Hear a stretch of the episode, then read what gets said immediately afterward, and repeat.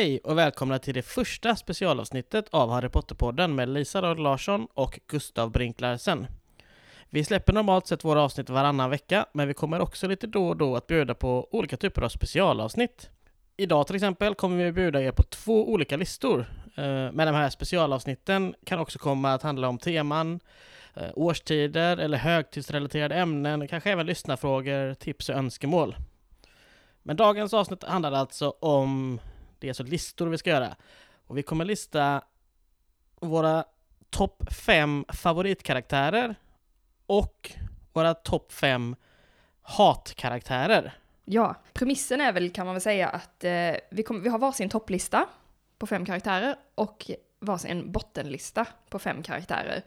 Eh, topplistan är inte nödvändigtvis eh, de karaktärerna vi gillar mest, eh, eller de vi tycker mest om, men lite grann de vi, de vi tycker mest om att läsa om, av någon anledning. De som, ja, av något skäl har satt sig eh, lite extra som gör att det blir ett extra nöje för oss att läsa om dem. Eh, bottenlistan, likadant fast tvärtom kan man säga. Ja, Eh, inte nödvändigtvis de karaktärer som vi ogillar mest. Det behöver inte vara de ondaste eller de värsta karaktärerna på det sättet, utan de, några som verkligen får så här blodet att koka, typ, som man verkligen, som triggar någonting i en. ja, Hat. ja. Vi kan ju redan avslöja att på hatlistan, ingen av våra listor, varken Lisas eller min, har med Lord Voldemort på topp fem karaktärer vi avskyr. Eh, Vilket kanske säger en hel del om att det inte är ondaste karaktären, utan något som vi stör oss på, var något som har fastnat bara. Och vad Mm. det är ska vi försöka motivera här. Precis, Eh, precis. Ja, det är premissen för dagens avsnitt. Ta det för vad det är. Vi vill jättegärna veta era listor också när eh, Ja. det här avsnittet släpps. Jättegärna. Kommentera på våra sociala medier så får vi, får vi se om, om det stämmer överens något sånär. Ja, precis. Håller ni med oss och håller ni inte med oss och varför? Mm. Vi vill veta allt. Vi älskar att sitta och läsa sånt här. Ja. Eh, och vi ska hoppa in på den negativa listan först om man säger så. Ja, Eh, karaktärer jag avskyr har jag skrivit på Ja. min topp fem här. ja, Och som sagt, jag kommer ha fem och Lisa kommer ha fem, men vi tar dem en i taget. ja, vi börjar nerifrån så att säga. Så först börjar vi med din femma och sen följer jag upp och sen så vandrar vi sakta mot toppen på hatberget. Vem har du på din, vem är femte platsen på din lista? Min femte plats är en karaktär som vi inte följer speciellt mycket. Hon heter Marietta Edgecomb. Ooh, Allt- snitchen. Snitchen, ja The precis. sneak. Alltså Cho Changs eh, vän. Som vi väl, vars namn vi väl hör titt som tätt, eh, åtminstone från bok fyra. Och hon är ju sen med i, eh, på det här första mötet som bildar Dumbledores Army och är sen med i Dumbledores Army ett bra tag. Extremt eh, otrevlig och dryg och otacksam eh, känns det som. Ehm, till hennes försvar så har hon väl eh, föräldrar hemifrån som säger att de ska, hon ska följa ministeriet och inte tro på Dumbledore och sådär. Men hon är ändå så pass mycket med Harry och gänget att eh, hennes, hennes beteende är inte ursäktbart, eh, känner jag. Nej, golare har inga polare, Nej, känner jag. säger malmöiten här. Ja, precis. Snitches get stitches. Ja, Eh, nej, hon, hon är, det, är, det är en av mina verkligen eh, bottenkaraktärer också. mm, Eh, hon är inte med på min lista, men jag avskyr henne. Ja. Riktigt, riktigt eh, golar ner dem alla, mm. sätter dit dem, trots att hon vet vilka konsekvenser det här kan få liksom. Att hon, eh, hon golar ner hela Dumbledores Army till Umbridge. Och eh, får betala priset för det. Mm, hon vet inte vilka konsekvenser det kan få för henne själv. Nej. Det får hon upptäcka den hårda vägen. Mm. vägen. Den konsekvenserna som man får, som det får av att hugga Hermione Granger i ryggen. Precis. ja, det är underbart. Ja, så Marietta Edgecomb, min femma. Vem har du på femte plats? Min femte plats är faktiskt eh, familjen Weasleys Aunt Muriel. Oh, Fruktansvärt osympatisk människa ju. utveckla. Ja, hon, eh, hon nämns ju eh, tidigt i böckerna. Eh, men man får väl aldrig riktigt träffa, eller man får aldrig riktigt träffa henne förrän i bok sju på Bill och Fleurs bröllop. Eh, alltså hon är ju riktigt vidrig. Ja. Eh, hon är otrevlig och så är hon ju ett fan av Rita Skeeter, bara det liksom. Eh, och väldigt så här, ja men skadeglad och illvillig. Sen är hon ju förvisso inte en ond karaktär på det sättet. Eh, Nej, men det var inte det det handlade om eller? Nej, Precis. eh, precis.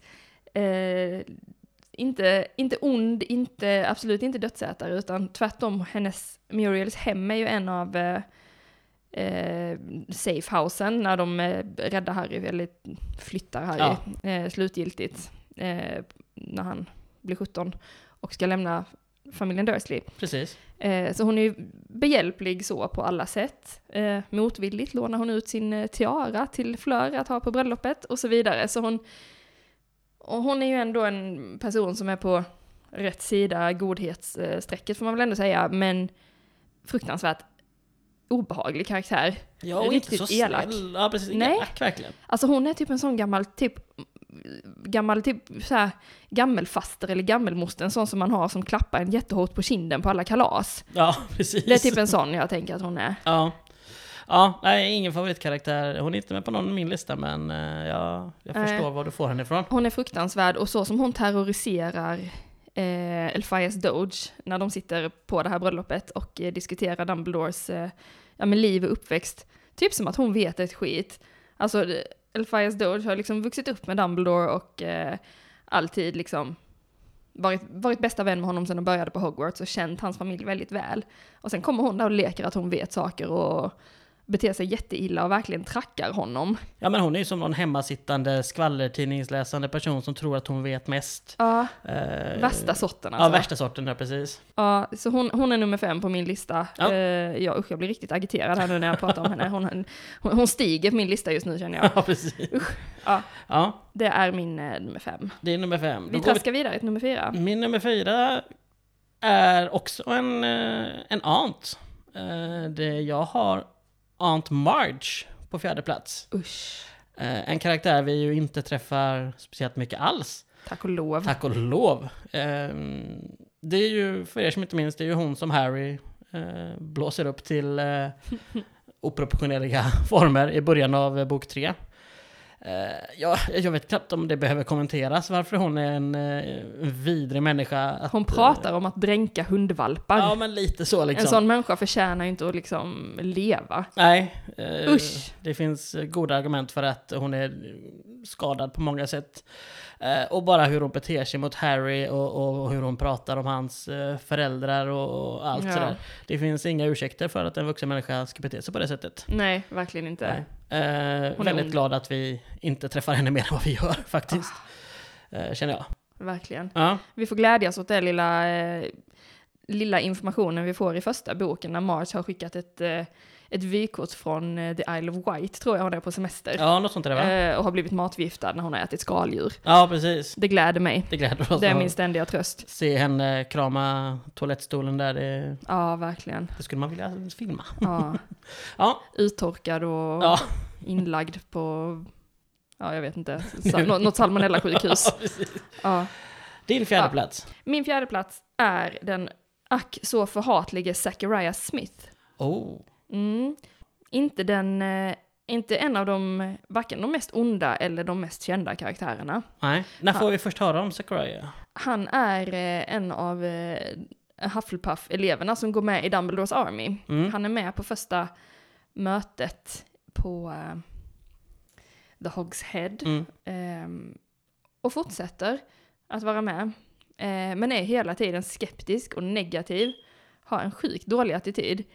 Eh, Lite Marietta Edgecomb. Eh, Att, men så här, hon är Ja. mer typ tjurig att hon, hon, Ja. står, hon står där och surar och säger inte så mycket men han bara gnäller på allting och är så här, ja. pushar Harry skitmycket att han ska berätta bara vad hände med Cedric Diggory och vad hände här och vad gjorde ni och bla bla bla. Mm. Bara men shit lugna dig liksom. Ja, ja, ja han är riktigt jobbig. Och droppen är ju när han eh, eh, kommenterar Quidditch-matchen mellan Gryffindor och jag tror det är Ravenclaw. ja, det måste det vara. Eh, och han är så fruktansvärt ofin och så här ful i tonen om eh, Ron och Ginnys, eh, ja, om dem och deras familj. ja, precis. Eh, precis. Man får inte höra exakt ordagrant vad, vad han säger. Nej. Men, eh, Men han verkar inte vara så sympatisk. nej, han verkar inte vara så Nej. sympatisk. Eh, Så han är verkligen en som jag retar mig på något så fruktansvärt. Ja. Och han är inte heller med mycket tack och lov, men när han Nej. är med, då blir man förbannad. ja, precis. Och då blir man förbannad rejält. Ja. Aha.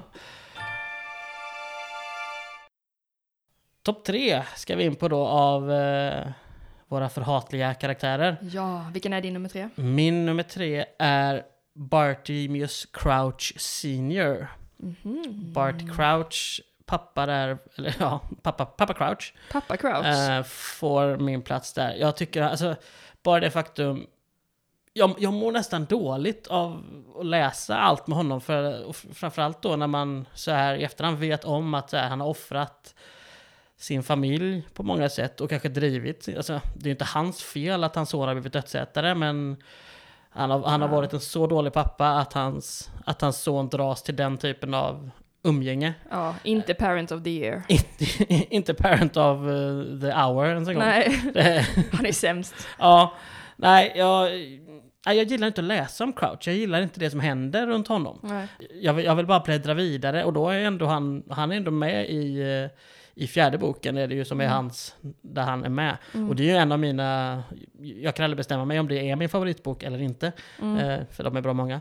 Eh, men, men det är ändå så här, det är den boken är en, en sån jag återvänder till ofta och ändå så ogillar Mm. jag Barty Crouch så mycket. Ja. Eh, och det tycker jag, för mig gör att han hamnar på den här listan. Jag förstår verkligen vad du menar där. Jag, nu, nu tänker jag att jag har vant mig och så känner jag typ Ja. lite att så här, han dör ju ändå så skitsamma. Ja. Men eh, så här, han, nej men att, nej det är fruktansvärt. Jag minns eh, när jag läste, när jag läste Den flammande bägaren första gången. Jag tyckte att den här, när Harry eh, slinker ner i Dumbledores minnen och hamnar på de här rättegångarna eh, mot eh, dödsätare.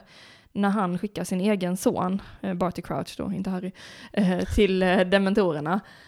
Eh, ja, alltså det, det var ett riktigt, nu var inte jag så gammal kanske när jag läste detta ska ju tilläggas, men där kände jag ett riktigt obehag som jag aldrig har känt när jag har läst de böckerna innan. Det var verkligen, eh, jag tyckte det var riktigt jobbigt. Mm. Nu har man kanske vant sig när man läst en miljon gånger och är vuxen liksom. Men jag vet inte vad jag kan ha varit, 12-13 år kanske, jag minns inte exakt. Ja. Ja, 13-14 kanske då. Ja, och en förälder gör så mot sitt barn. Ja, det, ja. Det, det var riktigt eh, tungläst. Eh, och bortsett från det så är han ju en extremt, det är en sån människa man bara hatar. ja, precis. Alltså han är ex- extremt dålig fassa och liksom sån här typ karriärstyp på helt fel sätt. Och sen en sjukt stel människa där också. ja, precis. Alltså ingen kan ju gilla honom på riktigt för han är svintråkig. ja, nej, ja, ja, verkligen. Så han är bara kass på alla sätt liksom. Ja, ogillas deluxe. Ja, det man får säga är väl att han, kämpade hårt mot liksom the dark arts. Eh, och han var väl också på rätt sida godhetsstrecket. Absolut. Men han slängde Sirius till eh, Azkaban och det är oförlåtligt för mig. Det är oförlåtligt, det är Ja. sant. Ja. Din tredje plats. Min tredje plats är bam, bam, bam, ba, Rita Skeeter. Oh, Henne hatar man ju också såklart. det, det, det gör man. Alltså nästan, alltså förklaring överflödig Ja. känner jag. Ja, men en, eh, hon är jobbig, hon är dryg, hon är en lögnare och eh, alltså den boken hon skriver om Dumbledore, det är liksom bara så här. Ja, de här fria fantasierna Ja. hon, hon tar från, från det lilla, Ja, lilla faktan hon verkligen. har. Ja. Alltså eh, säkert, hon måste ju vara världens bästa typ skvallerjournalist. Att Ja. göra så stort av ingenting. Ja. Så, jag tänk, alltså alltid nu när jag går förbi så här löpsedlar och sånt. Jag, kom, nu, jag, stod, jag stod i kön på Ica häromdagen och ni vet så här vid kassan så är alltid tidningarna liksom precis Ja, innan man ska betala typ. Ja. Och jag stod och läste, jag läste någonting så jag kommer inte ens ihåg vilken kändis det var, det var någonting helt sinnessjukt. Det var en sån dum rubrik och det var på första sidan av, jag tror, alltså så här typ, ja men den tidningen som hette typ Se och Hör förut, jag vet ja. inte vilken det var, skitsamma. Det finns Den- många. Ja, den typen av tidning. ja. När det bara var, alltså det var någonting om, om någon i kungafamiljen tror jag. Det var bara en sån dum rubrik. Jag blev så förbannad när jag såg det. För jag bara tänkte så här, det finns människor som försörjer sig på det här. Och så tänker jag alltid på Rita Skeeter när jag står där. Mm. Och så blir jag upprörd. Mm. För de här människorna finns i verkligheten också. De gör ju det. De gör verkligen det. Ja. Alltså det är så, ja det är ju så himla tragiskt. Ja. Nej men då i fjärde, hur, hur hon, eh, vad hon skriver om Harry i, i fjärde boken och eh, hur hon outar Hermione och allt vad det är sådär. Mm. Eh, Det, nej, hon, hon, är, hon är ett vider. Ja men det är hon. Ja. Riktigt uh, usch ja. ja Mm. Hon är, bä. Bä. Henne hatar vi. Eh, så. Eh, och hon, helt ärligt, hon känns ju verkligen också så som en ond. Eh, hon är inte en sån karaktär som man liksom ja men som, som Zachariah Smith, typ. Att jag retar mig på honom, men han är väl någonstans god egentligen. Jag tror hon skulle kasta vem som helst under bussen för sin egen framgång och rädda sig själv. Verkligen. Jag tror inte hon har eh, någon liksom så här... Visst, hon intervjuar Harry om vad som... Om Voldemorts eh, liksom, återkomst och allt det här. Eh, och publiceras i The Quibbler. Men det gör hon ju under hot. Det gör hon ju för att hon är att liksom- tvungen. Ja. Eh, men visst, hon gör det. Eh, men jag tänker liksom att det är, bara, det, det är också bara för sin egen skull. ja. Hon gör ju ingen, ingenting för någon annan. Nej. Och verkligen så här vill, vill göra vinst på Dumbledore efter han har dött och bara gräver fram massa typ fakta inom citattecken. Ja men Eh, fakta som förvrids eh, Ja, och blir det hon precis. skriver. Ja. Tycker hon är verkligen så här, hon är, hon är verkligen en skam liksom. Jag, usch. Nej, henne klarar jag inte av. Nej. Så det var min nummer tre. Det var din nummer tre. Vilken är din nummer två? Min silverplats går till en uh, före detta professor som numera bor på St. Mungos sjukhus. Gilderoy Lockhart. Mm. Avskyvärd från, eh, från första stund tycker jag personligen. Eh, ja, men den här pompösa, uppblåsta idioten som sen ju då visar sig vara eh, direkt farlig. Ja, Eh, och en sådär. jäkla nolla. Ja, nej, men, och som verkligen så här har åkt runt och snott andra människors historia och paketerar och säljer liksom. Ah. Och sen då har lyckats skaffa sig egot så att han till och med tackar ja till att bli, bli lärare. Eh, Ja. ja, nej, det, den, eh, jag, jag tål inte Gilderoy Lockhart faktiskt. Nej, han är så fruktansvärd. Usch, alltså den typen. Det var, jag vet ju typ en människa som, jag vet en person som är precis som honom. Så här, Och det är ja, jag! Nej. det, det är inte du. Ja, vad skönt, tack. inte du.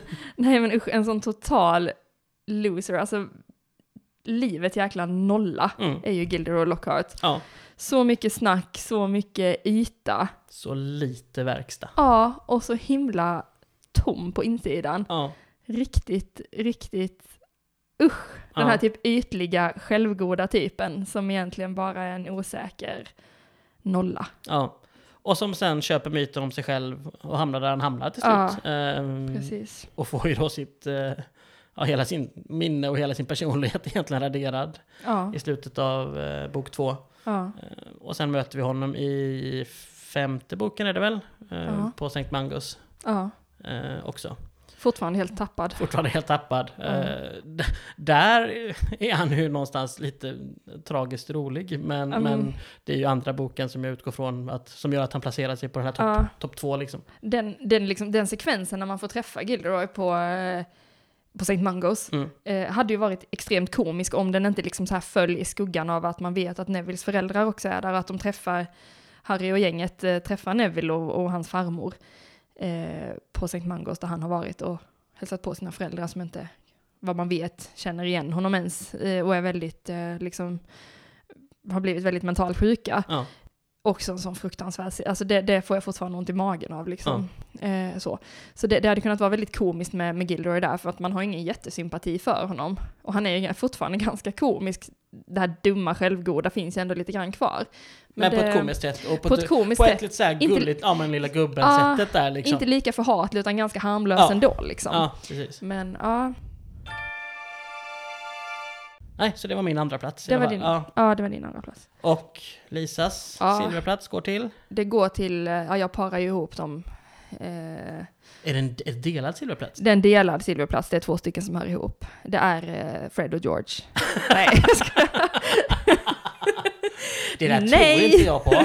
Jag skojar bara, det är inte Fred och George. Gud, absolut inte, förlåt Fred särskilt. Rest, rest in peace. Eh, nej, det är eh, Amicus och Alecto Caro. Oh, De är ju så fruktansvärt Ja. vidriga. syskonen Caro. Syskonen Caro, dödsätare och eh, i slutet av storyn även lärare på Hogwarts ett väldigt kort tag. ja, Eh, Alec- nästan en hel termin. ja, ja, Eller, ett ja, helt läsår. Precis. Eh, Alecto i mugglarstudier och Amicus i eh, försvar mot svartkonster. Ja, Som mer är svartkonster, får man väl säga, sista det är väl lärandet, Tiden. lärandet av svartkonster det året. Ja. Vi får inte följa det året visserligen, men, men det är så som det beskrivs från Neville och sådär. Liksom. Precis. Ja. Eh, ja men de två är, alltså bara, bara typ hur de beskrivs, nu ska man sitta här och vara, vara ytlig, men eh, bara hur de beskrivs, liksom så här räliga till utseendet och liksom så här riktigt, mm, ja, så ofräscht äckliga på ett ganska, förlåt, men lite bonnigt sätt. ja, ursäkta, jag menar inte så, men ni förstår. Alltså de beskrivs som väldigt så här, de, de pratar lite så här. Lisa kommer från Karlshamn, hon får säga sånt här. Jag får säga Det- sånt. Jag, har- jag har tolkningsföreträde på att vara bonnig. Jag kommer från epatraktorernas eh, Paradise. paradise, ja. ja eh, nej, men alltså de är så här, Gud vad osympatiska vi låter, Ja, förlåt gud. allihopa. Ja, det- jag ber så hemskt mycket om ursäkt Ja. för elitismen som smögs in här. ja. Eh, nej, men de är så här, ja men förstår du? Alltså de är, Ja. dum, de är dumma liksom. De är Ja. dumma, de är räliga, de pratar obehagligt, de har sådana här, ja men det här typiskt inskränkta, kort, eh, kortsiktiga liksom, eller vad ska man säga, det här, trångsynta var Ja. ordet jag letade efter, Ja. trångsynta sättet att tänka på. ja. Så. Och de är ju också då genuint onda människor, Ja. har, har de ju hamnat på. Alltså de Ja. är ju dödsätare. Det är de ju. Det är de ju. Eh, och de torterar ju och får barn mer eller mindre väl. Ja, på precis. Hogwarts. Eh, och gör det med nöje liksom. De är, inte, de är inte några av de här eh, som är kanske lite skrämda till tystnad och att följa Voldemort och så här, utan de gör det verkligen av egen eh, fri vilja. Yes. Eh, är riktigt, riktigt obehagliga typer båda två. Jag, jag kunde inte enas om vem, jag, här, vem av dem jag ogillade mest, så jag tog båda. Ja, men de, de, de kommer ju lite i ett paket, Ja, får man säga. De Så hör ju att, ihop eh, lite grann. Rolig detalj är att vi alltså, har nu tagit fyra var och det där var de första dödsätarna eh, Mm. som är på våra listor. Just Nu vet jag, inte, jag vet vad jag har för eh, etta, men jag vet inte vad du har. Ja, Eh, vi kan vandra vidare till din etta, för jag, usch, jag vill inte tänka på de två mer. Nej, min etta eh, kan vi faktiskt passera ganska fort, för det är Rita Skeeter. eh, Ah. Har jag satt som nummer ett. Och den har, Mm. henne har vi pratat om och jag, jag tycker att du, du gick igenom, eller vi gick igenom väldigt bra Ah. varför man avskyr henne. Ah. Ehm, jag har så svårt för henne. Jag, jag, precis som jag, med Barty Crouch, att jag vill, jag vill ta mig förbi de partierna i fjärde boken så fort som möjligt som hon är med. Mm. Det är lite samma, samma med Rita Skeeter liksom. Usch, man får lite så skamkänsla också, typ alltså när det är någon som är så hemsk så att man skäms på dens vägnar, typ. Ja, precis. Typ så känner jag med henne, bara men usch gud liksom. Ja.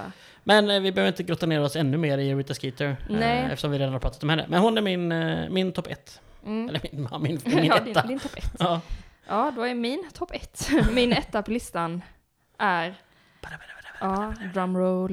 Eh, det är den värsta människan i hela bokserien tycker jag. Harry Potter? Nej. Nej, det är inte Harry. Nej. Det är Dolores Umbridge. Det är såklart Dolores Umbridge. Jag hade henne på en, Ja. eh, en god sjätte plats kan jag säga. Ja, Ja. alltså bortsett från typ, okej, Voldemort såklart. Jätteond. Eh, Bellatrix Lestrange, också jätteond. Lucius Malfoy, jätteond. Ja. Men den här människan är ju ond på en helt annan nivå för att hon är så illvillig. ja, men hon tar det till 11 liksom. Ja. Ondheten. Ja, Ja. hon är Och hur verkligen hon det. utövar det. Precis, hon behöver ju inte ens, hon är inte ens officiellt dödsätare liksom. Men hon är så självgod och, och fruktansvärd på trolldomsministeriet där hon fortsätter att vara fruktansvärd. Det är precis som att hon typ jobbar sig upp och sen när, när Voldemort tar över till slut så bara får hon typ äntligen leva ut alla de här eh, fantasierna hon har om att liksom eh, Alltså alla, alla, alla half-breeds som hon säger, liksom, ja, men folk som Hagrid som är halvjätte, som Lupin som är varulv. Att verkligen gå all in mot de här, Ja. och inte minst de mugglafödda trollkarlarna och häxorna som finns i, Mm. eh, i trollkarlsvärlden. Ja. Eh, där hon verkligen bara får gå loss, typ så här, detta är precis vad hon har väntat på, liksom äntligen, nu kan jag gå all in rasist, typ. Ja, ja men verkligen. Hon, hon är en elitistisk rasist som, eh, som är förhatlig. Anledningen till att jag inte har med henne på min topp 5 är att jag inte ogillar att läsa de partierna för att jag tycker att det Mm. händer saker som är intressanta. Ja, jag Eh, förstår. Och det gör det ju. Ja, men, men jag köper ju helt att hon är absolut en av de värsta karaktärerna i hela bokserien. Ja, Under, Ja, hon- de, under de böcker hon är med liksom. ja. Ja. Hon är över, alltså den som mest överlägset gör mig mest förbannad att läsa om, liksom. Ja. Jag kan säga i vissa typ, på vissa där lektioner, när Harry och de har henne och de försöker diskutera med henne om varför det är viktigt att lära sig försvar mot svartkonster i praktiken, och Mm. inte bara i teorin som hon förespråkar. Så, eh, och när Harry liksom riktigt så här kokar, jag kan bara känna hur jag kokar med Harry. Mm. Att jag verkligen bara, jag blir så här, ja men så här, så förbannad man någonsin har varit på en lärare. Alltså alla de typ känslorna bara kommer tillbaka till mig Ja. och jag bara känner hur man bara så här vill typ, ja, Ja. jag vet inte vad. Hon- introduceras ju ordentligt i femte boken. eh, Det är då hon blir Mm. lärare på Hogwarts och eh, sen, vad heter det? High Inquisitor heter det på eh, Ja.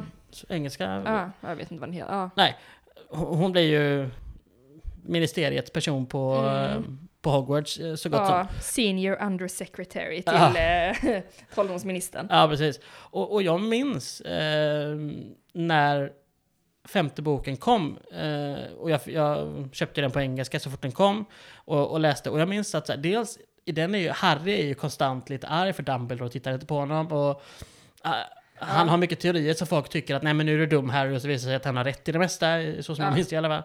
Och så är hon där också, jag minns att Ja, det, för mig var det, det, var, det var en frustration att läsa femte boken. Jag gillade inte den första gången jag mycket läste den. För att Harry var arg, vilket gjorde mig arg. Och sen var det en jäkla Umbridge där som gjorde mig också så arg och bara... Ja. Oj, du är jättearg nu. Ja, jättearg. blev jag, precis.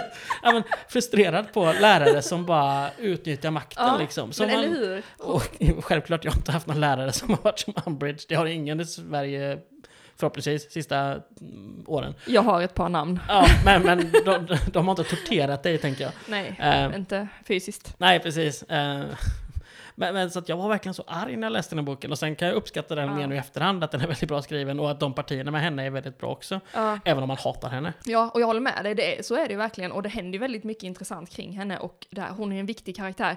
För det är precis det som du säger, jag, jag mådde också dåligt när jag läste den första två, tre gångerna säkert. Eh, och jag, ni vet, när man får en ny Harry Potter-bok, man, eller man, vi, Ja, man läser dem några gånger i ganska Alla. tätt i följd. Mm. Liksom. Alla gör så. Alla gör så. Alla måste göra så.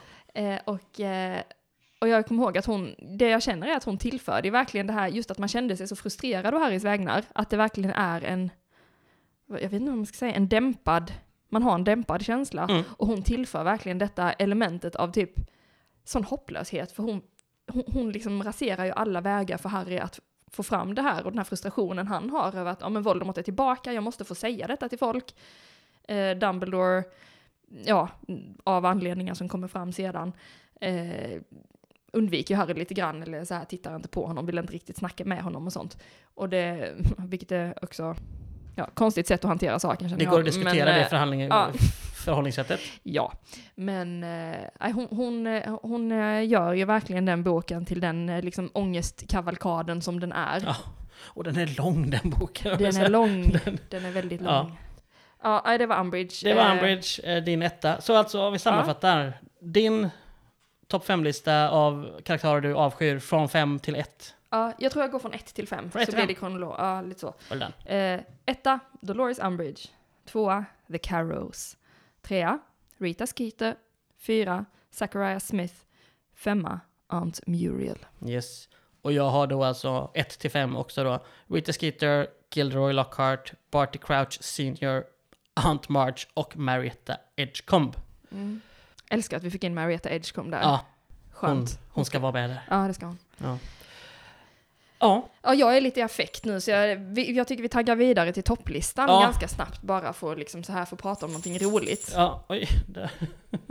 Det var vår hund som skakade på sig. Ja, precis. Om ni hörde ett prassel. Ja. Ja. Han lämnar rummet. Han lämnar ut Värdigt. ri- ridå. Ja. Ja. Eh, nu ska vi som sagt gå till fem favoritkaraktärer. Jag vill bara Mm. börja med att säga att jag har haft skitsvårt med den här listan. För det finns inte fem karaktärer man älskar, det Nej. finns 55. Jag tänker att vi Eh. kan aldrig mer göra en lista igen, för det här har ju varit ångest att bara sitta och sålla. Precis. Men jag tycker att det här är kanske också den svåraste listan att göra. Ja. Hoppas jag i min naivitet. Ja. Men, men eh, sådär. Så att eh, Ja. de, de fem som jag har på min topplista idag, kanske inte de fem jag har på min topplista om ett år, bara så att vi någonstans, don't judge us forever för det här liksom. Nej, vi återkommer om ett år. Ja, och så precis. ser vi. Nej, men eh, premissen här för denna listan är ju samma. Ja. Eh, det är kanske inte våra favorit, favoritkaraktärer. Eh, I bemärk... Eller liksom i... Ja, det är kanske inte de vi gillar mest så att säga. Det är inte de karaktärer vi tycker mest om som personer. Nej. Utan väldigt, kanske mer subjektivt, de vi gillar att läsa om av olika anledningar. Mm. De som har satt sig, eller gjort ett avtryck på något sätt. Ja, eller ni, som ni, kommer ofta händer förstå, någonting runt. Ja, precis. ni kommer förstå vad vi menar när Ja. ni hör våra listor tror jag. För det, det är inte bara kända karaktärer och så vidare. Utan Nej. Ska jag börja? Du får jättegärna Vi börja. fortsätter på den. Yes. Ja, vilken är din eh, femma? Min femma. Ursäkta, ska jag bara hämta mig själv. Min femma är uh, Remus Lupin. Ja. Eh, han är den enda faktiskt av de fyra vännerna jag har med på min topp fem-lista. Mm. Eh, jag älskar Lupin, hur han är skriven. älskar hans... Hans lugn. Mm. Och det liksom att han... Oh, gud, nu tappar jag nästan mig. Men, så, men han, han är en så fin människa verkar det som. Sen är han en fuckboy i sista boken, men det kan vi kanske bortse från. Ja, han gör det av någon desperation tänker jag. Liksom, sådär. Jag, jag, jag kan Ja, förstå ja. att han hamnar där. nu är du negativ tycker Ja, jag. Jag förlåt. märker att Lupin inte Ja. är på din topp 5-lista. Nej. Nej men jag gillar Lupin eh, väldigt, väldigt mycket. Här är jag faktiskt också subjektiv just för att jag gillar skådespelaren som spelar Lupin också i filmen. Eh, väldigt, väldigt mycket. Jag gillar honom i allt annat. eller Allt annat, det var en jätteöverdrift. Jag gillar honom mycket annat han har varit med i. Jag tycker han gör Lupin på ett, kanske inte 100% boktrovärdigt sätt, men han gör det på ett väldigt fint sätt och han har några av mina favoritscener från filmerna. Eh, Men det är ju bok-Lupin jag gillar framförallt Ja. nat- naturligtvis. Ja, jag är inte helt enig när det gäller filmpresentationen, men å andra sidan, för mig är ju boklupin, alltså böckerna är ju bibeln för mig. Ja. Så, så att det är kanske väldigt, det är svårt för mig att, eh, att gilla någon av skådisarna faktiskt, ja. ska jag helt ärligt säga. Men eh, ja, Lupin kvalade inte in på min lista, eh, men jag håller med dig, jag gillar verkligen hur han är, hur han är skriven för att det finns ingen karaktär som Lupin. Alltså det, han är verkligen den, han är, han är den enda av sitt slag och man gillar ju efter han har blivit man, man blir så förbannad liksom först när han liksom så här Snape outar honom och han får inte fortsätta som lärare och detta och detta. Men det är så, så här i efterhand är det så skönt att han inte gjorde det för då kunde han bli ett annat stöd. Han kunde bli den här extra pappan typ till Harry, inte den vilda galningen som Sirius är, utan Nej. mer en lugn, den här lugna, sansade, kloka Ja, stödet som Harry så himla mycket behöver. Ja, men han, precis som du säger, lugn, sansad, klok. Jag, jag tror jag har en fetisch för lugna, sansade och kloka människor. Och därför gillar jag... Mig? Nej. Nej, du är inte därför. Nej. Men, eh. Nej, men eh, han- är för mig någon, någon form av trygghet eh, för Harry, där, precis som du säger. Ja. Så att eh, vad du sa tar jag som argument för varför jag har Lupin med. Mm. Mm. Eh, ja, nej, men så, så, sätt är jag, ja, men så sätt är jag enig. Man, Ja. man gillar ju Lupin, han är ju underbar. Ja. Eh, också en av de mest eh, förkrossande dödsfallen Ja, gud, i ja. sista boken. Det är ju bara Åh, så och- vidrigt. Apropå filmerna så har de ju bara slaktat hans död där, så det blir man ju förbannad på istället. Liksom. Ja, det är inte värdigt Nej. eh, att nämna. Nej. Nej. Nu går vi vidare med Lisas nummer fem. Ja, min nummer fem. Ja, Underbar karaktär. Oliver Wood. Oliver Wood! ja! Den var coming från vänster skulle jag säga. Ja. Varför har du med Oliver Wood på topp fem av favoritkaraktärer? För att han är skitrolig. För det första är han en sportfåne. Ja. Han är så fruktansvärt patisk. Jag, jag är själv fotbollssupporter till ett, eh, ett ganska stort engelskt fotbollslag. Eh, och eh, jag, jag kan relatera så mycket till Oliver Woods det här. Jag var, så som han är när han spelar quidditch var jag själv när jag spelade fotboll. Jag kan tänka mig det. Ja, och att han är så här, alltså jag tycker det, det är så, eh, det är så typiskt just hur Oliver Wood är, den här, eh, den här sekvensen när eh, Harry har fått en, en firebolt, eller en åskvigg heter det ju på svenska, skickad till sig av någon i sitt tredje år. Precis, vi vet ju inte vem då. Nej. Då vet man ju inte vem det är. Det misstänks ju vara Sirius Black, vilket det också är, men inte i syftet att döda Harry så, Nej, som, eh, så som det misstänks, och därför fråntas han sin kvast. Och eh, Harry berättar ju detta för Wood. Wood frågar Harry liksom, ja men du har du beställt en ny kvast, det börjar ju bli dags liksom snart och så här. Ja, jag fick en åskvigg i julklapp men den eh, blev konfiskerad liksom. Och jaha, varför, va, va? Liksom varför det? Nej, de tror väl att Sirius Black, eh, som är på rymmen då vid tillfället, eh, kanske är ute efter mig. Nej men gud, liksom säger han, jag måste prata med professor McGonagall, jag ska få henne att och liksom ta reson. Ja, han är så jävla orimlig Ja, där. Helt orimlig, ja. bara skiter i liksom att han precis, eh, liksom så här, en, en känd typ massmördare ute efter hans sökare, men det struntar Woody, han är Ja. helt bara, det, liksom, det är helt oviktigt.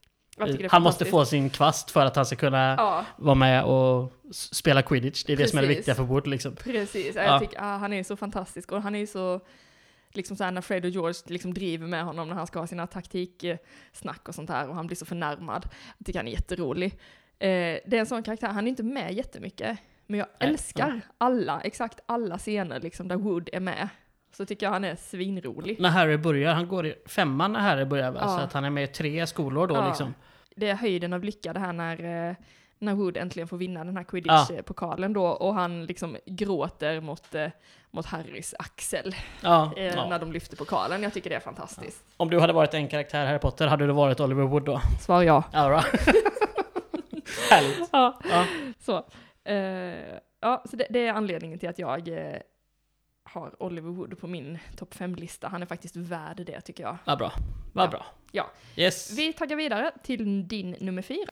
Ja, min nummer fyra är Nymfedora Tonks. Ja. Nymfedora träffar vi i bok fem för första gången. Kalla henne inte Nymfadora. Nej, vad ska vi kalla henne då? Tonks. Är det Tonks, okej. Eh, occasionally Dora är det väl de säger också. Ja. man, man kan få kalla henne, men Nymfedora Ja. gillar hon inte. Nej. Hon är ju, eh, ja nu ska vi inte göra det här till någon jäkla mm, veckans chosen one, men hennes far träffar vi en del också, Ted Tonks. Han är asskön. Han är jag. asken också. Eh, hon gifte sig ju sen med eh, Remus Lupin. Så jag har uppenbarligen en fördel, eller en, en positiv känsla för paret Tonks Lupin. Deras barn måste ju vara din ultimata favoritkaraktär efter det. Ja, men han Lilla ser Teddy. så lite, lilla Ja, men jag Ted, tänker så här i framtiden. Ja, jo. Jag vill ha stories om Ted, please. Ge mig stories om Ted eh, Rowling. Nej men, eh, Tonks kommer in, hon är ju någonstans i 20-årsåldern. Eh, vilket var ungefär så gammal som jag var när boken kom. Jag var lite eh, liksom, äldre än våra huvudkaraktärer. Och det gjorde att Tonks på något sätt var, jag kunde relatera till henne på ett sätt sådär. Jag hade lämnat skolan, eh, visserligen ganska precis, men ändå liksom sådär. Och var på väg ut i ett vuxenliv. Och hon var nybakad uh, Um, så att på något sätt så hade jag en connection där. Hon är, jag tyckte det var intressant. Hon är en modig karaktär i sin, för sin ålder. Hon är ganska rolig. Det är väl, alltså så här, hon, jag minns scenen när hon och Hermione och Ginny sitter och, och hon är ju metamorph magus så hon kan ju ändra utseende som hon vill. Och hon byter hårfärg efter humör och, och sådär liksom.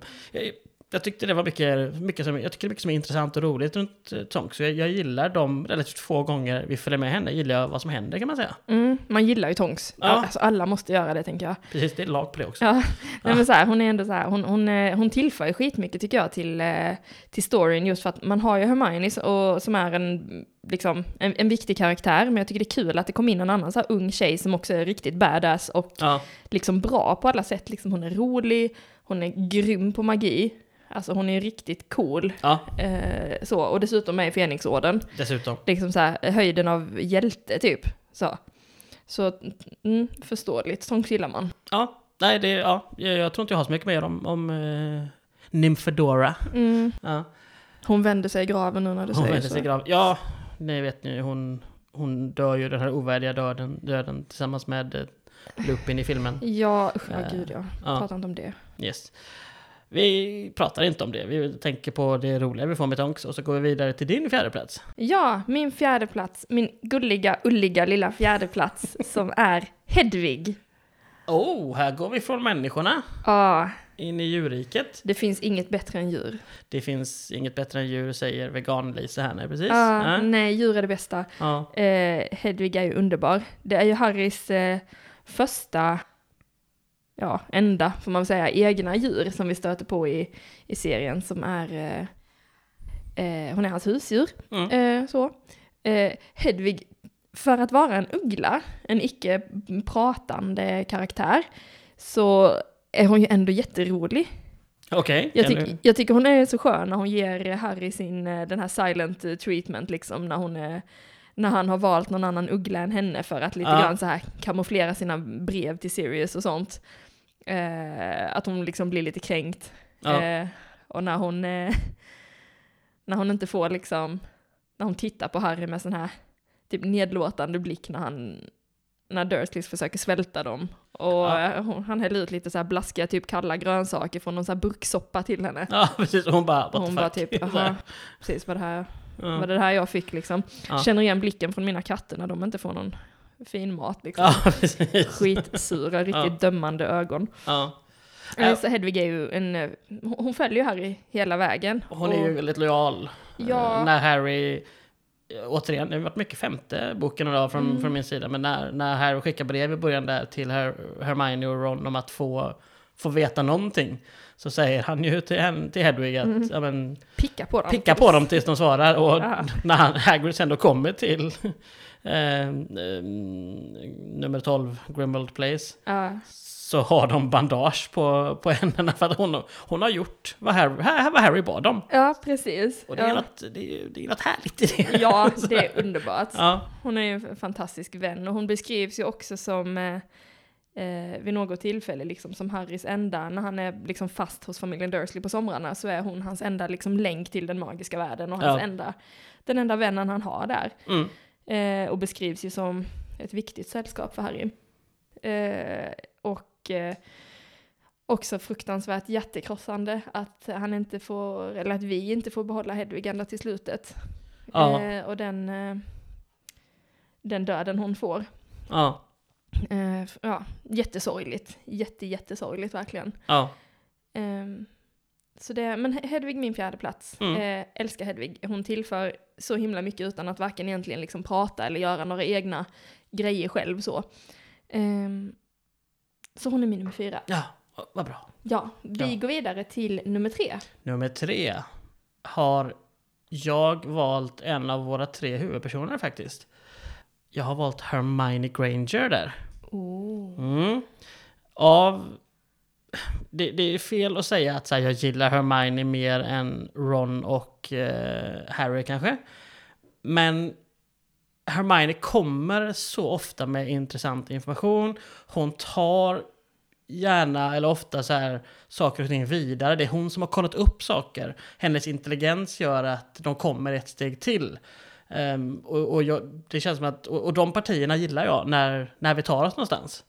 Ehm, och det tror jag faktiskt så pass enkelt tror jag är varför jag gillar Hermione så mycket som jag gör. Mm, helt enig. Ja, Verkligen. Alltså man, Hermione, man kan ju störa sig för hon är ju lite dryg, hon är lite besserwissrig och sådär och jobbig. Hermione i första boken är ju, bara- eller första halva av första boken framförallt. Ja. Ja. Men hon kan vara lite sådär, lite moralkärring emellanåt som jag typ inte riktigt orkar med. Men helt alltså det här hela grejen, alltså allt hade ju skitits utan Hermione. Ja, Hon räddar ju, alltså hon räddar ju världen. ja, Jag tycker klockrent exempel där när de är hemma hos eh, Xenophilius Lovegood i eh, sjunde boken. mm, Eh, och han eh, sviker och, eh, och tjallar. Och Hermione får ut dem därifrån. ja, det är hon som Och- kommer med den här flyktidén och exekuterar Precis. den helt på egen hand. Precis. Ja. trots att eh, Xenophilius precis liksom har sålt ut dem så tänker hon på honom att han är ändå Lunas pappa. Och Ja, de försöker, hon, hon gör så att man döljer Ron för att skydda hans familj. Man ger dödsätarna en liten skymt av Harry för att rädda Lunas pappa då. Och sen försvinner de. ja. Det är briljant gjort av henne faktiskt. Det är det verkligen. Ja. Hon är så jäkla smart. Ja, Eh, så. så Hermione älskar man. ja. Eh, hon är grym. Allting hade skitits utan henne. Allting hade skett utan Hermione. Och ja. Ja. som du säger, det hade skett utan henne. Och det är Mm. en av anledningarna till att jag... Tänk bara Harry och Ron liksom bara flummat runt där. De hade inte, åh herregud. De har inte kommit många Nej. Shit, Eh, nej. ja. Ja. Din bronsplats? Min bronsplats har vi bam, bam, bam, bam. Severus Snape. Snape. Snape. Ja, Severus Snape. precis. Exakt han. Jag ber om ursäkt. Ja. Herregud. Eh, ja, Snape. Ja, det är också en sån nästan förklaring överflödig, men du ska få förklara ändå. Ja.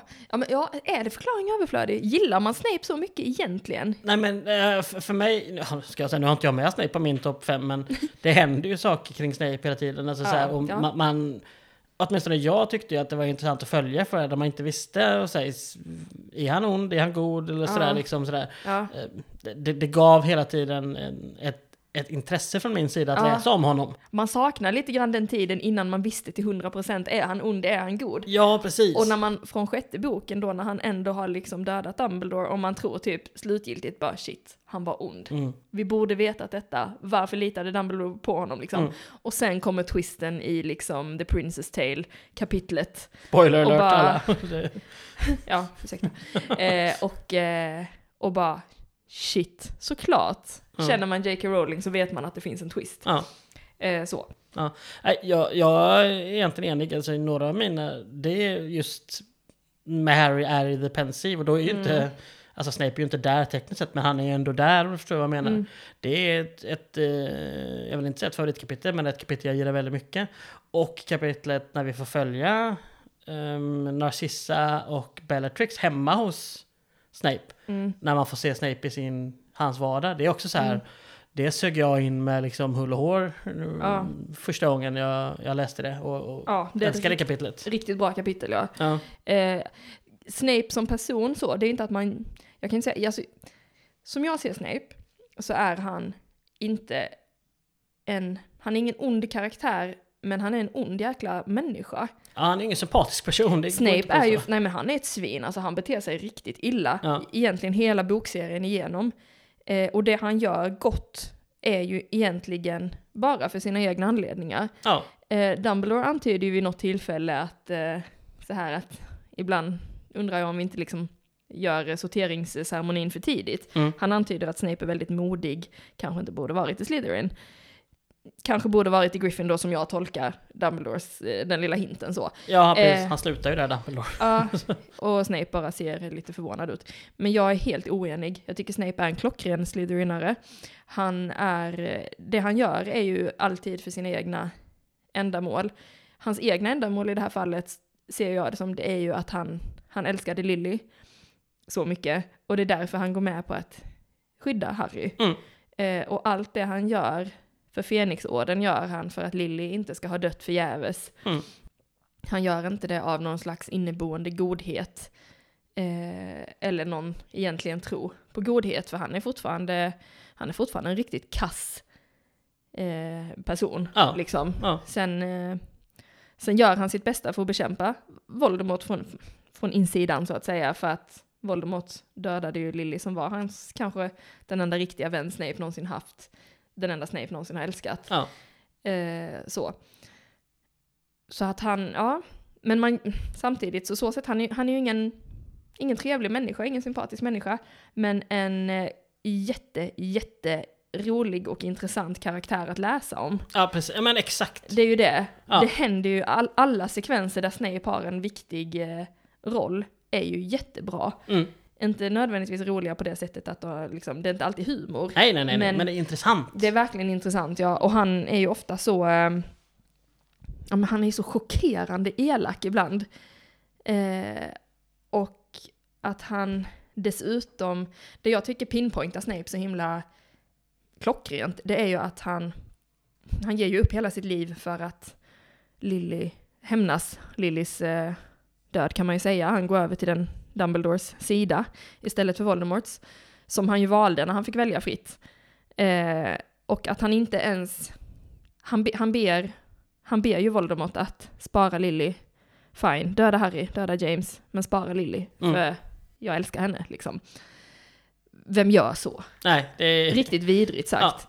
Eh, så så sätt är ju Snape en väldigt självisk och, eh, ja men i sann Slytherin-anda eh, vill gynna sina egna ändamål. Ja, Eh, liksom. Och att han inte ens kan, han behandlar Harry så fruktansvärt illa och gör sitt yttersta egentligen för att få Harry religerad under sin skoltid, Ja, eh, trots att det är Lillys egen son. ja. Det, det säger ju egentligen allt om vad Snape är för person. Det säger allt. Han vill inte sin, ja men som du säger, enda personen han älskat. Han vill inte ens hennes son något gott egentligen. Nej. Mer än att hålla honom vid liv, som man på något sätt har lovat att göra då. Ah, Och nej, det är Precis. en djupt osympatisk karaktär som, Ja. man, som ändå får någon form av redeeming kvaliteter, men, men eh, Mm. ja nej.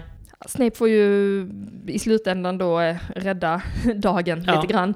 Eh, så. Men Snape som person, riktigt svin, men eh, som karaktär i böckerna sjukt intressant att följa, rolig att följa på både gott och ont får man säga. Mm. Så det är en av mina favoritkaraktärer och jag tycker någonstans så känner man ju ändå ett ganska djupt vemod när Snape i nästan slut, slutgiltigaste slutet eh, dör. Ja, precis. Så. Ett tecken på att han är bra skriven. Mm, Mm. Fantastiskt. Och faktiskt vill jag också ett litet shout-out till filmerna som jag eh, inte är ett stort fan av i övrigt. Men fantastisk rollprestation av Alan Rickman, som inte heller lever längre tyvärr. Nej. Eh, men eh, en, av dem, en av dem som jag verkligen tycker gör riktigt bra roll i Ja, filmerna. ja. Så är det Snape. Otroligt välgjord. Ja. Exakt. Ja, det var min nummer tre. Det var din nummer nu tre. närmar vi oss toppen. Mhm. Vill du avslöja din nummer två? Jag ska avslöja min nummer två och det är en karaktär som jag tänker är ganska mångas favorit. För han är, det är lätt att ha honom där. Eh, och det är våran kära rektor, Ambus, Ambus, Albus Dumbledore. Ja. Vi sätter L1 och M på, på rätt plats i hans namn. Den stora anledningen till att jag gillar Dumbledore är att vi, när vi är med Dumbledore, det känns alltid som att framförallt kanske senare böcker, att vi får lära oss mer om världen, vi får lära oss mer om bakgrundshistoria och även, alltså sådär, det är han som utvidgar hela världen, till exempel genom honom vi lär oss om horokruxer och sådär.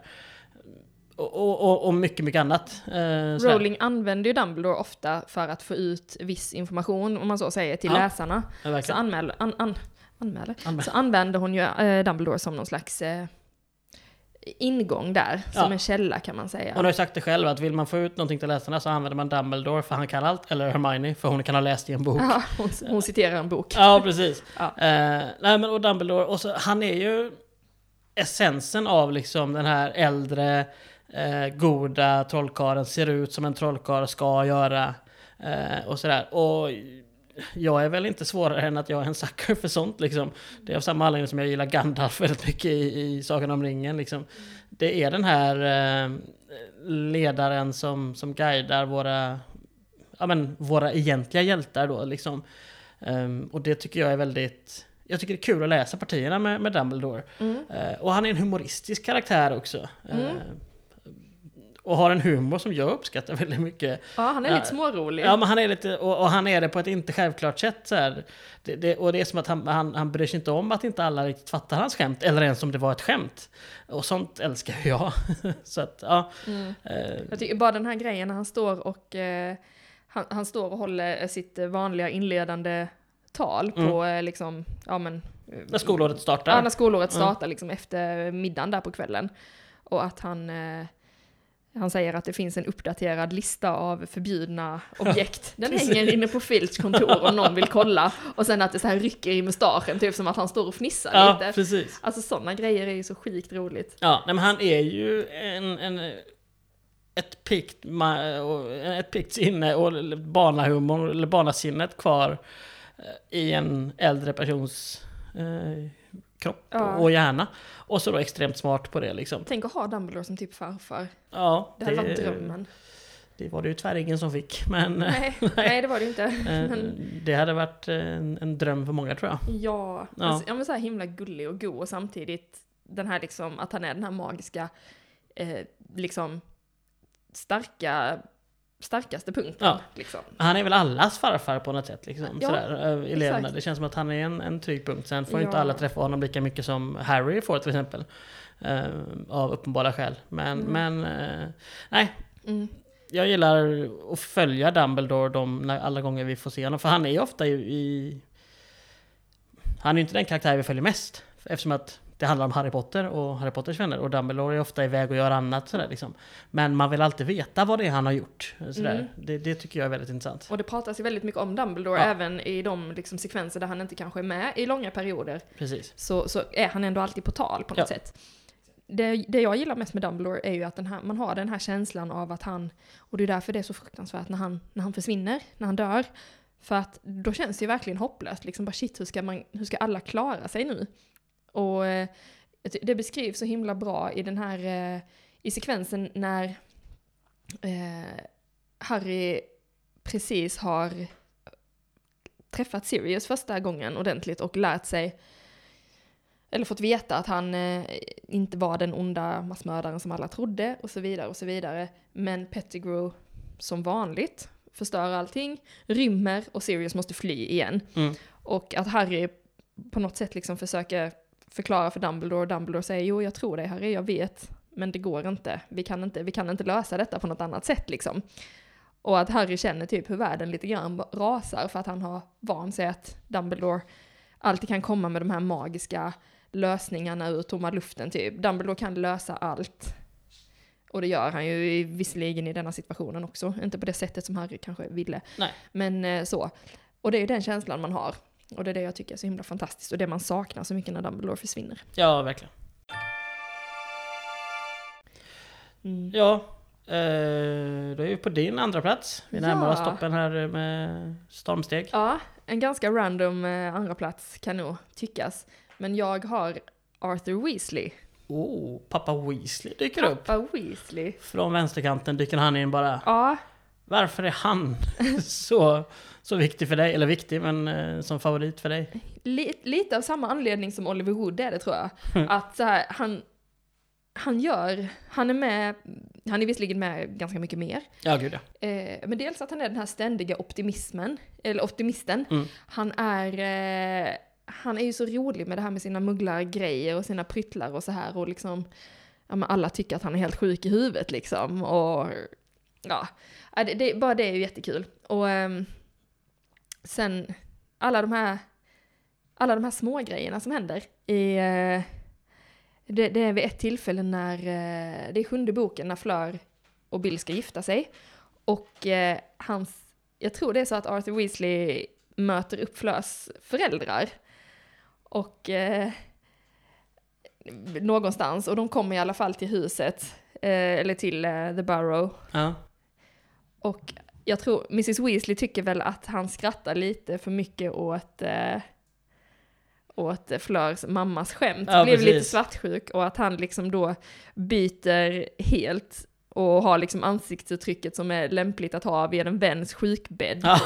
Jag tycker det är så sjukt roligt skrivet och det är massa sådana grejer med, med Arthur Weasley som är att han liksom så här, han skrattar hysteriskt och alla kollar på honom typ. För att, eh, Ja, vad är det med det? han får väl en släng av den här vila eh, Ja, eh, genen som både Fleur och hennes mamma då har. ja precis. Som Eh. Ronny drabbas av i Ja, stackarn. tidigare. Ja, var också genare. ja, hela ja tiden. precis. Men eh, alltså sådana små grejer kring Arthur Weasley som är så himla roliga. Eh, och till och med när han liksom ligger vid, eh, på St. Mungos och har blivit biten av eh, Nagini. Mm. Att han till och med då försöker, eh, ja det är ju någon helare där som eh, är intresserad av mugglarmedicin och någon försöker sy honom med vanliga stygn, så Ja. som vi använder liksom i sjukvården.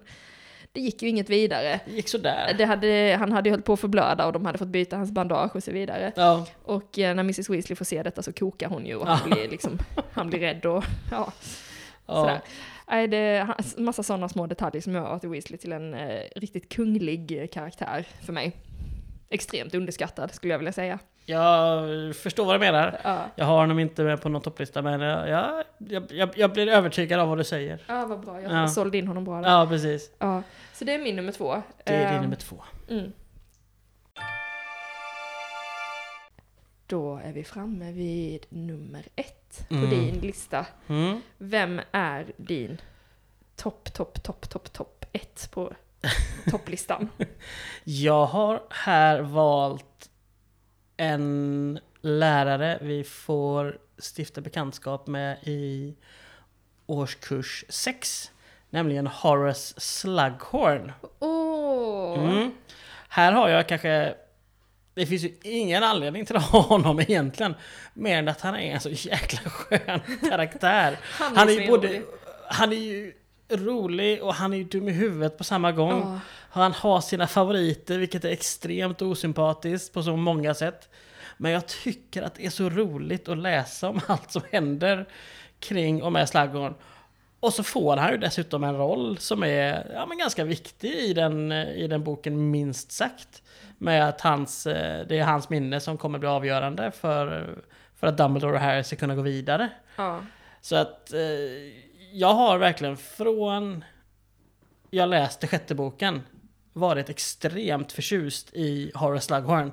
Mm. Trots att han är Slytherin och trots allt det här jag sagt liksom, Ja. med, med hans eh, ganska osympatiska egenskaper. Så eh, ja, jag gillar honom skarpt. Och han, han på något sätt även, han har ju ändå de här han är, han, är inte, han är inte osympatisk på det sättet som Slytherins eh, personer kan vara, utan han, visst han är ju självisk och ganska självgod, Ja, eh, så. Eh, och gör väl ganska mycket för egen vinning, men han gör ju det på ett harmlöst sätt lite grann. ja, Eh, han, drivs ju ändå någonstans av godhet. ja, Eh, och trots allt så väljer han ju den, den goda sidan för att Ja. han är en god person. Ja, han, jag tycker att han nyanserar hur Slytherins kan vara. Mm. Jag tycker att väldigt länge så finns det så här. Slytherins är bara onda väldigt länge. Det finns liksom ingen anledning egentligen för de andra tre skolhusen att ha kvar Slytherin kan man tycka. Man kan tycka att okej, hamnar du på Slytherin så får du gå på en egen skola. Att, att de Mm. andra tre elevhemmen skulle ha sagt så. Men Slytherin kommer in och tycker jag väldigt mycket nyanserar hur, ja visst man kan vara driven och ha de här egenskaperna som man har som Slytherin utan att för den sakens skull vara en ond person och en dålig människa. Mm. Ehm, och och det, jag gillar det väldigt mycket, för, för mig gjorde det och, och hela Slytherin till ett eh, mer trovärdigt elevhem. Mm. Eh, Absolut. Så det var en av sakerna som jag gillade med honom också väldigt mycket när jag läste sjätte boken. Ja. Ehm, Men framförallt är det att jag, jag tycker jag, jag, jag har roligt när jag läser Ja. om Slytherin. Eh, jag har, Slughorn. vad sa du? Om Ja, slagghorn. ja precis, förlåt. Eh, I nästan varje, varje sekvens eh, med honom. Mm. Eh, både minnen, man får följa med i där och när minnet är falskt och när minnet är sant sen. Men också hur han är med, med Harry och Ron och de andra. Liksom. Mm. Ja, jag tycker man- att det är jätteroligt. Man skrattar ju ganska mycket åt hur pompös och, och lite självgod han är också. Att man liksom så här, ja men han kommer där med sin jättestora mage Ja. och kommer in i rummet liksom och ser, eh, ja men som att han äger stället typ. Ja, han är jätterolig. Ja, det finns en så här en vag koppling till Lockhart fast utan det här uppblåsta på ett negativt sätt. Han är uppblåst på ett roligt sätt. Mm. Och på ett sådär tror inte för mer om sig själv trots allt ändå fast det kanske framstår som det från början. Slughorn är ju en väldigt så här, duktig trollkarl Ja. till skillnad från Lockhart med en det är väl det. liksom. Han har något att backa upp det med. Ja, liksom, precis. Han har väldigt mycket, han är ju väldigt intelligent. Ja. Han, eh, och vi märker ju det lite grann också, att man, man tror ju att han är ganska så här, eh, man får ju känslan lite grann av att när Harry ska lura ur honom det här minnet Ja. som blir väldigt avgörande, så får man ju det, Ron säger vid något tillfälle liksom att bara, ja men han kan inte, han kommer inte vägra dig någonting, du som är hans lilla potions prince liksom. Eh, men Slughorn är eh, lurigare och listigare än, än vad han ger sken av att vara. Precis. Eh, märker vi där, Ja. om inte annat. Och sen kanske jag bara avslutar om igen lite med filmen att jag tycker att Slughorn är den skåd, eller den karaktär som är bäst castad i hela filmserien. Bättre än Snape. Bättre än Snape tycker jag. Oh. Eh, från det första man ser med honom när han förvandlas från en stol till, eh, eh, till sig, Sig själv. Eh, och bara tänk på detaljen med hans, jag tror det är vänsterarm som är en del av fåtöljen lite längre och han slänger upp den. Och, och, och till... Gustav gestikulerar här nu och Ja, visar hur Precis, gör. när han- det, skulle ha varit, det, det skulle varit videomedium där. Men jag tycker, sök på den scenen, det är väldigt roligt. Och liksom hela vägen. eh, Och hans jättefina, som ju är helt påhittad från eh, i filmen, men när han berättar om Lily. Att hon, fick, eh, hon gav honom ett rosblad som väl blev en guldfisk och sådär.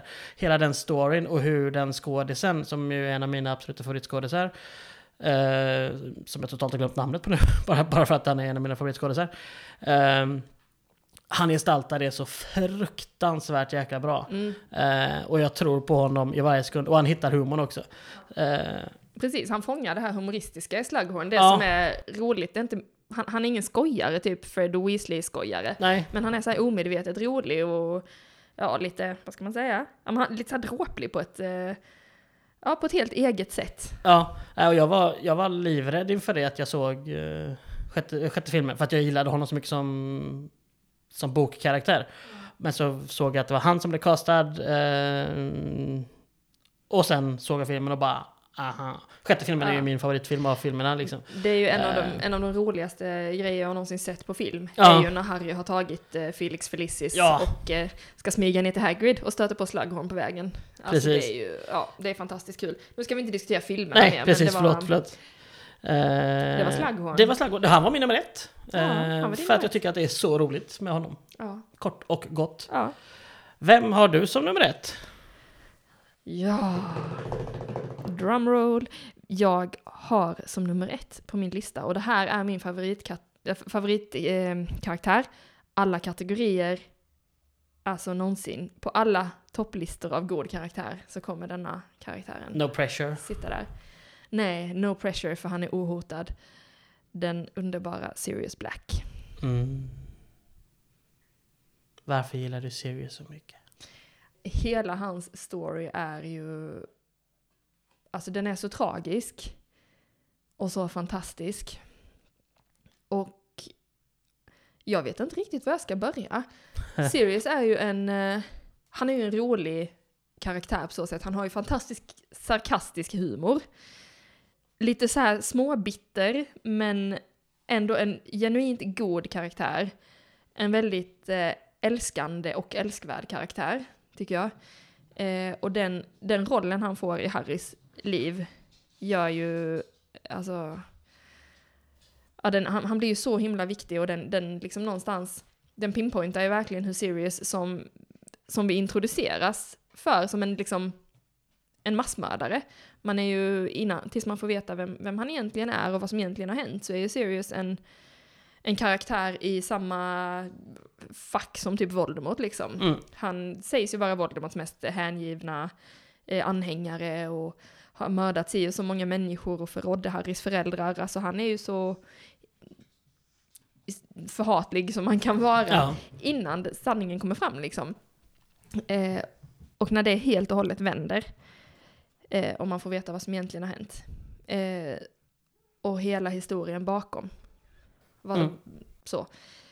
Eh, nej, fantastisk karaktär, jätterolig, helt så, här, så, så relaterbar på så många sätt. Mm. Eh, så jag tycker, ja, ohotad etta på alla mina listor är Sirius Black. Ja, ja, Livets kärlek är Ja. det för mig. Han är... ja han, han fanns ju såklart med i mina, mina tankar också. Mm. Eh, Men jag valde att inte ta med honom till slut. eh, för att säga, jag tycker kanske... Jag, jag, jag är inte lika förtjust i honom helt enkelt. Jag tror Nej. bara det är så enkelt. Ja. Eh, Jag tycker att hans, han, hur han beter sig lite grann i femte boken är lite... Ja, det stör Ja. mig lite grann liksom. Jag, jag tycker att han kanske borde ha mer förståelse för varför han är i den situationen han är. Sen så kan man förstå att han blir frustrerad också, att han vill hjälpa till och han har den personligheten och sådär. Ja, nu ska vi tillägga, jag ska försöka fatta mig kort här. Jag Ja. skulle kunna ha ett helt avsnitt där jag bara pratar om Sirius. Men jag tycker det här, eh, känslan av honom, hur han liksom, man får ju någonstans inse att han har missat, hur länge är det han sitter i Azkaban? Typ 13 år? Ja, det är väl sånt va? Eh, och att han, han missar ju de här 13 åren av liksom mognad, så han kommer ju Ja. ut som en typ 20-plussare. När han har suttit inne så länge och kommer ut i världen och är, förväntas bete sig vuxet, eh, men är inte speciellt vuxen för han fick aldrig ha, han fick aldrig ha sina 20s liksom. Nej, nej, det är sant. Eh, och kommer ut med det, med det traumat och, och med den orättvisan, hans bästa vän mördad. Väldigt, väldigt mycket har ju hänt honom. Eh, och, han, och det han lever för är Harry. Ja, jo det, ja. Som jag tror han någonstans ser som en blandning av sin son, James son och James Ja. lite grann. ja. Eh, så. Eh, och att han då sen lever instängd i sina föräldrars hus igen på grund av alla omständigheter som blir är ju, ehm, det är ett hårt slag för honom och han blir ju mer eller mindre eh, lite galen liksom, Jo, ja. av, av att bo där. Eh, och jag tycker just det här att han kan vara lite orimlig och att han kan vara lite så här obstinat tonårsaktig tycker jag bara tillför mer till, hans, eh, till djupet av hans karaktär. ja. Han har inte den här mognaden och den här tryggheten man känner med Lupin, utan man känner en annan slags trygghet med Sirius. Mm, Han är ju en sån, han skulle ju gå in i, och det gör han ju också, han går ju in i döden för Harry. precis. Eh, det skulle Lupin också göra, men de gör det på lite olika sätt och det tycker jag är... Nej, det tycker jag är, jag tycker det är fantastiskt hur han är uppbyggd. Ja. Han blir ju mer av en vän till Harry än en fadersfigur kanske. Eller både och liksom. Ja, det är det Ja. liksom. En, Ja. Och Molly Weasley säger ju vid något tillfälle att hon upplever det som att, att Sirius någonstans blir förvirrad. Liksom, du tror nästan att du beter dig som att Harry är James, som att du har fått din bästa vän tillbaka. Och jag tror helt ärligt att det är så Sirius lite grann ser det. Mm, Att James har berövats honom och han har inte riktigt kunnat acceptera det. Nej. Men så får han Harry Ja. istället. Ja. Och att det är som att få James tillbaka på nytt. ja. Det är möjligt. Ja, Det är mycket möjligt. det är mycket möjligt. Ja. Det var topp 5-listorna. Det var topp 5-listorna. Ska vi bara recappa dem eh, snabbt? Ska vi göra det? Börja, ska, vi, ska jag börja? Ja. mina? Från topp 1. Topp 1. Nummer 1. Ja. Sirius Black. Nummer 2. Arthur Weasley. Nummer 3. Severus Snape. Nummer 4. Hedwig. Nummer 5. Oliver Wood. Och jag hade ju då alltså nummer ett, Slughorn, två, Dumbledore, tre, Hermione Granger, fyra, Tonks och femma, Remus Lupin. Ja. Inte en enda av dem var faktiskt samma då. Det var ju lite roligt. Å andra sidan, som vi sa, topp fem är ju extremt svårt. Jag hade kunnat ta de flesta av dina fem också tror jag, Ja. på en topp fem-lista. Absolut. Eh, och, och om jag raderar den här listan och inte lyssnar på det avsnittet någon gång och så ombeds jag ta en topp fem-lista om ett år så Mm. kommer det vara annorlunda. Ja, mycket, för att det är så många karaktärer man, man gillar. Och beroende på lite grann vad man kanske är i, alltså för mig är det lite grann vad jag är och läser nu också sådär. Ja, Vilka, mycket man har i färskast minne. verkligen. Det Ja. hade kunnat bli många eh, honorable mentions Ja. eh, om vi hade haft tid. Ja, apropå tid, vi påstod att det här kanske skulle bli ett lite kortare avsnitt. Det, det, blev det inte. Nej. Eh, Vi gillar att prata, men vi hoppas att ni inte har några, några problem med det. Eh, Eftersom det är ett specialavsnitt så blir det ingen veckans chosen one. Det kör vi i våra vanliga avsnitt. Yes, Eh, utan vi tackar väl för oss för idag då. det gör vi. Ja, Tack för att ni har lyssnat. mm. Som vanligt finns vi på Instagram och Facebook. Harry Potter-podden heter vi på båda ställena. Det går också att mejla oss. Harrypotterpodden snabel-a gmail.com. Eh, Vi är en del av poddfederationen i Göteborg. Eh, Vill ni starta en podd, sök på poddfederationen så finns det alla möjligheter att få hjälp och tips och råd där. Ehm, Ja, Det var allt vi hade för idag. det var allt. Ja, Tack så mycket. tack så mycket. Hej då. Hej.